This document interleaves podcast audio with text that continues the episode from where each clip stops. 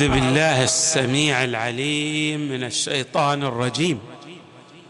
بسم الله الرحمن الرحيم والحمد لله رب العالمين. والصلاة والسلام على أشرف الخلق سيدنا ونبينا محمد وآله أجمعين الطيبين الطاهرين.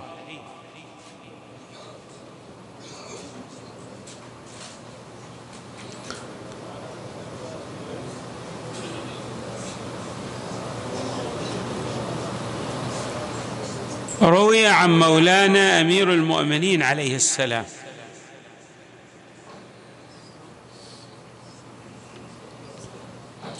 ليس العاقل من يعرف الخير من الشر ولكن العاقل من يعرف خير الشرين. ليس العاقل من يعرف الخير من الشر. ولكن العاقل من يعرف خير الشرين. قاعدة من القواعد المهمة التي تحقق للإنسان النجاح والفلاح في دنياه وفي أخراه. هي مسألة تقديم الأهم على المهم. مسألة تقديم الأهم على المهم إذا أحاط بها الإنسان علما وسار على وفقها استطاع أن يحقق المعجزات. في الأمور التي يروم أن يصل إلى الذروة فيها. أكثر الفشل الذي يصاب به الناس يرجع إلى عدم الفهم الدقيق للأولويات بمعنى أن فهم الأولويات والسير على إنجاز الأهم اولا يجعل الإنسان يضطرد في كمالاته ويزيل العقبات التي تعترض الطرق والسبل التي يسلكها هذا الإنسان. قاعدة الأهم اولا أو تقديم الأهم على المهم هي موجودة عندنا في الفقه ولها أمثلة متعددة وقد أشار إليها إمامنا أمير المؤمنين عليه السلام في أكثر من كلمة من كلماته الحكيمة في قصار كلمه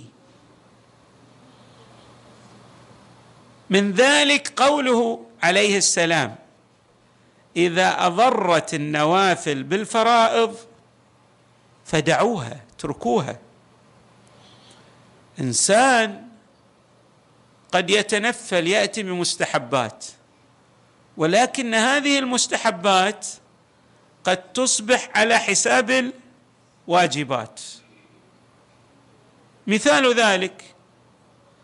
الإنسان يقوم لصلاة الليل ويطيل في صلاة الليل ولكن قبيل الفجر ينام فتفوته صلاة الفجر فهو أدى مستحبا ولكنه ترك واجبا.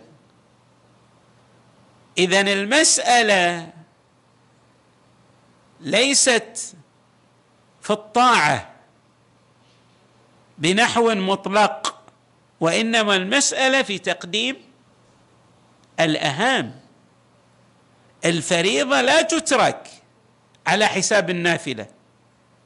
حتى لو لم يأتي الإنسان بصلاة النافلة وأدى الفريضة فقد أدى ما أوجبه الله عليه. والنافلة هي فضل لها أهمية ولكنها لا تساوي وتعادل الفريضة. هذا الأمر في الطاعات في الجوانب العملية. العلماء عندهم مثال في تقديم الأهم على المهم وهذا بحث طويل يستعرض في الأصول وفي الفقه. ولكن سآتي لكم بمثال جميل يضربونه. في بعض الأحايين قد يكون الأهم ملاكا يستوجب من الإنسان اقتراف المعصية. يعني يتعارض أو يتزاحم الواجب مع الحرام. فيقدم الأهم في ملاكه. مثلا لو كان هناك غريق ولا يتمكن الإنسان من إنقاذه إلا بالمرور في أرض مغصوبة. نلاحظ هنا المرور في الأرض المغصوبة حرام ولكن يجوز له ارتكاب هذا الحرام من أجل إنقاذ ذلك الغريق الذي ينحصر إنقاذه باقتراف الحرام. هذا من باب تقديم الأهم على المهم. مسألة تقديم الأهم على المهم في الأحكام الشرعية في العلاقات الاجتماعية في المسار التكاملي للإنسان في عباداته في حتى المواقف التي يقفها والأقوال التي يتلفظ بها والأعمال التي تصدر عنه ومنه. كل أمور الإنسان تخضع لمبدأ الأولويات. بمعنى أن الإنسان ترون بعض الناس فاشل في الجانب الأسري ولكنه ناجح في الجانب الاجتماعي. بالرغم من أن الجانب الأسري أهم من الجانب الاجتماعي ولكن هذا يقدم المهم على الأهم. يترك الأهم في سبيل أن ينجح في بعض علاقاته الاجتماعية. لكن لو قدم الأهم يعني جعل نفسه ناجحا أنجح نفسه في علاقاته الأسرية لكان ذلك هو الأفضل بالنسبة إليه. الأفضل في دنياه وفي أخرى عند الله تبارك وتعالى. اذا مسألة الأهم اولا كما رأينا في الجنبة الاجتماعية والجنبة الأسرية التي هي أيضا جنبة اجتماعية ولكن بشكل مصغر. فكما يكون تقديم الأهم في العبادة كما لاحظنا في الموقف العملي كما لاحظنا في الواجبات في إنقاذ الغريق الذي ضربناه مثلا وهو مثال فقهي. أيضا في العلاقات الأسرية والاجتماعية. وهكذا الحال في سلم الأعمال التي يأتي بها الإنسان يوميا. هناك أمور تمثل أهمية قصوى بالنسبة لهذا الإنسان ولا بد أن يقوم بإنجازها فتراه يذهب إلى إنجاز الأمور الأقل أهمية ويفرط تاركا تلك الأمور التي لها الأهمية الكبيرة والعظيمة والفائقة. ولذلك يقل نجاحه وقد لا ينجح. ويعود السبب في ذلك إلى أنه أخذ بالمهم وترك الأهم بمعنى عكس القاعدة قدم المهم على الأهم. والحال كان من الحري به أن يقدم الأهم على المهم. هناك كتاب قيم يعني قرأته وأعجبني. وهذه الحكمة يعني لا تختص بمسلم أو غير مسلم وإن كانت موجودة هي ولكن هو جاء بها بطريقة جميلة جدا. هذا الكاتب المشهور صاحب كتاب العادات السبع ستيفن كوفي. عنده كتاب جميل أيضا اسمه الأهم اولا. الأهم اولا بمعنى أن الإنجاز يتوقف على معرفة الأولويات. فإذا تعرفت على أولويات حياتك في أي جنب من الجوانب في الجانب الاجتماعي في الجانب الأسري في الجانب العلمي في الجانب الوظيفي. وبدأت تقدم الأهم اولا فأنت تسير على خطوات النجاح.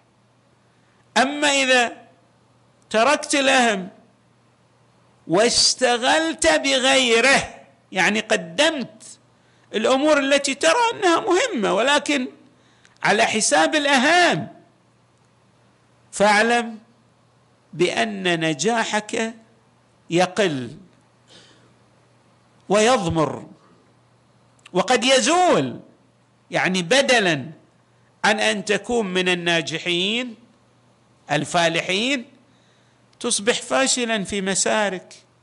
سواء الاجتماعي أو الوظيفي أو الأسري أو العلمي أو حتى الاقتصادي أيضا.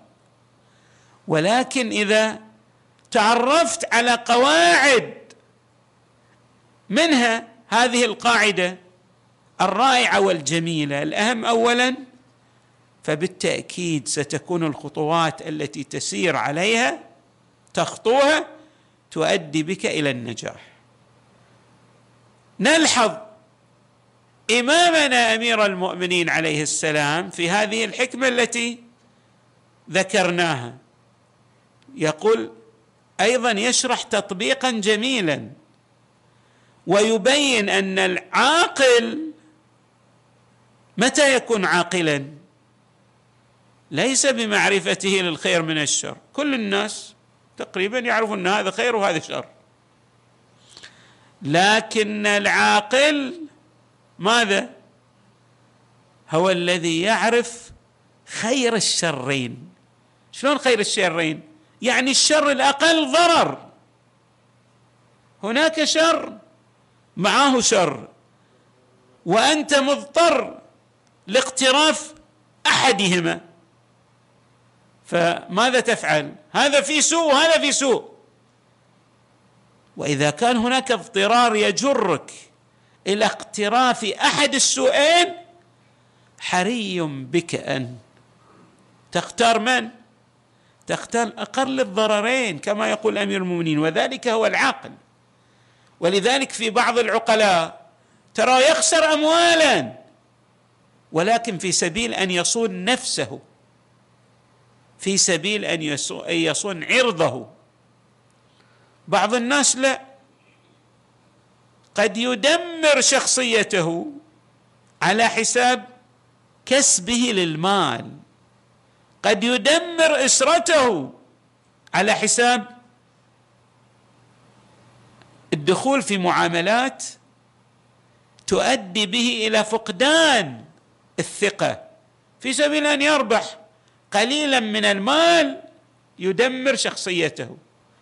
وقد يمتد هذا التدمير إلى تشويه أيضا الأقارب بالنسبة إليه. ولذلك حري بنا أن نضع هذه الحكمة الجميلة التي صدرت عن مولانا أمير المؤمنين. ليس العاقل من يعرف الخير من الشر ولكن العاقل من يعرف خير الشرين. خير الشرين! يعني الأقل ضرر الأقل ضرر المسألة نسبية. الأقل ضرر فيه خير بالنسبة إليك. ولهذا حري بك أن تعرف ذلك. من مصادق هذه القاعدة أيضا الأعمال التي يأتي بها الإنسان. هناك تطبيق جميل إنسان إذا كان اولويته مثلا شخص عليه أن ينجح في جنبه اقتصادية أو جنبه علمية أو جنبه وظيفية وهذه تمثل بالنسبة إليه هذه الجنبه تمثل بالنسبة إليه نجاحا كبيرا. تراه مثلا بدل أن يفعل قدراته يفعل القدرات التي يمتلكها في سبيل النجاح الباهر في ذلك الأمر الذي هو معني به. يشتت جهوده يشتت جهوده فيبدأ يعمل على أكثر من صعيد. فلا يحقق قصب السبق فيما يروم أن يتفوق فيه. من الأحاديث القدسية هو حديث قدسي ولكنه فيه توجيه جميل للمصطفى محمد.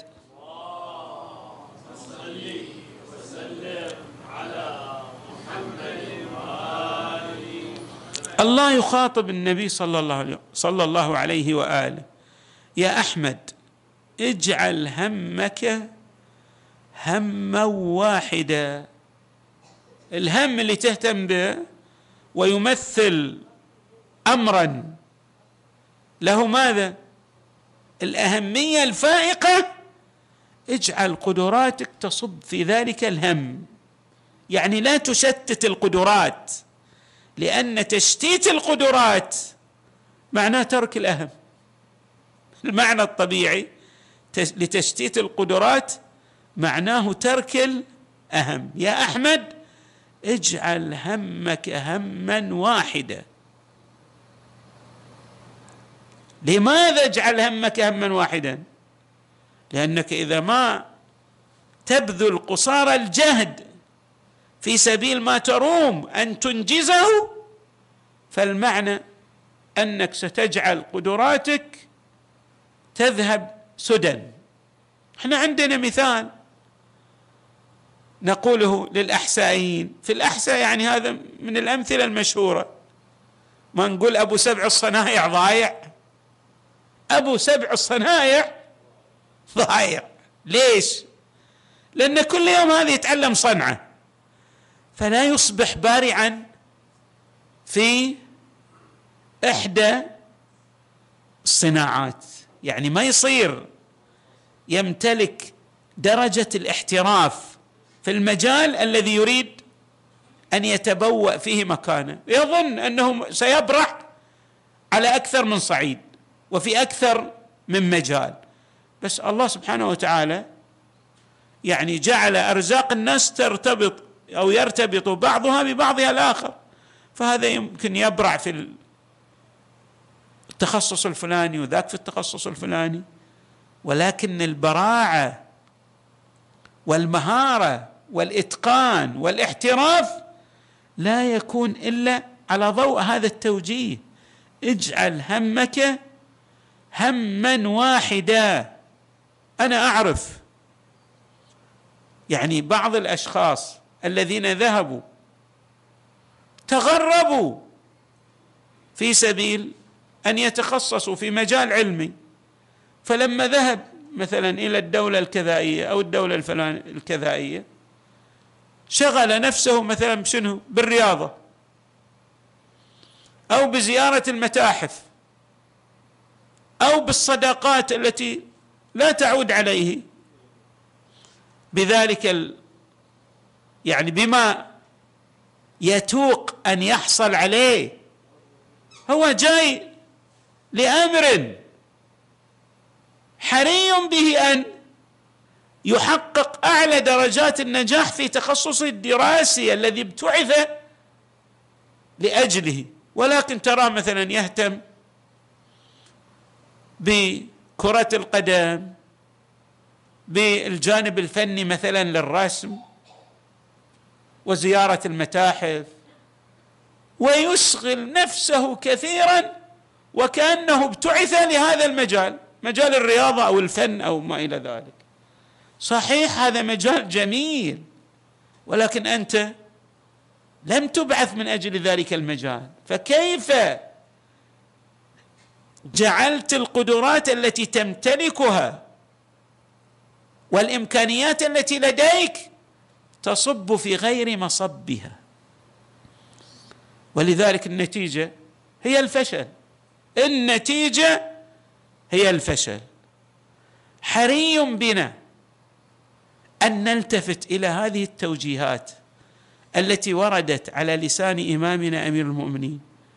جاءت أيضا في بعض الروايات عن المصطفى صلى الله عليه وآله وجاءت أيضا في هذا التوجيه والحديث القدسي الذي يخاطب به الحق تبارك وتعالى نبيه المصطفى بقوله اجعل همك هما واحدا. نسأل الله تبارك وتعالى أن يوفقنا وإياكم للتألق والفلاح والنجاح في كل جانب من جوانب الحياة ببركات محمد وآل محمد. على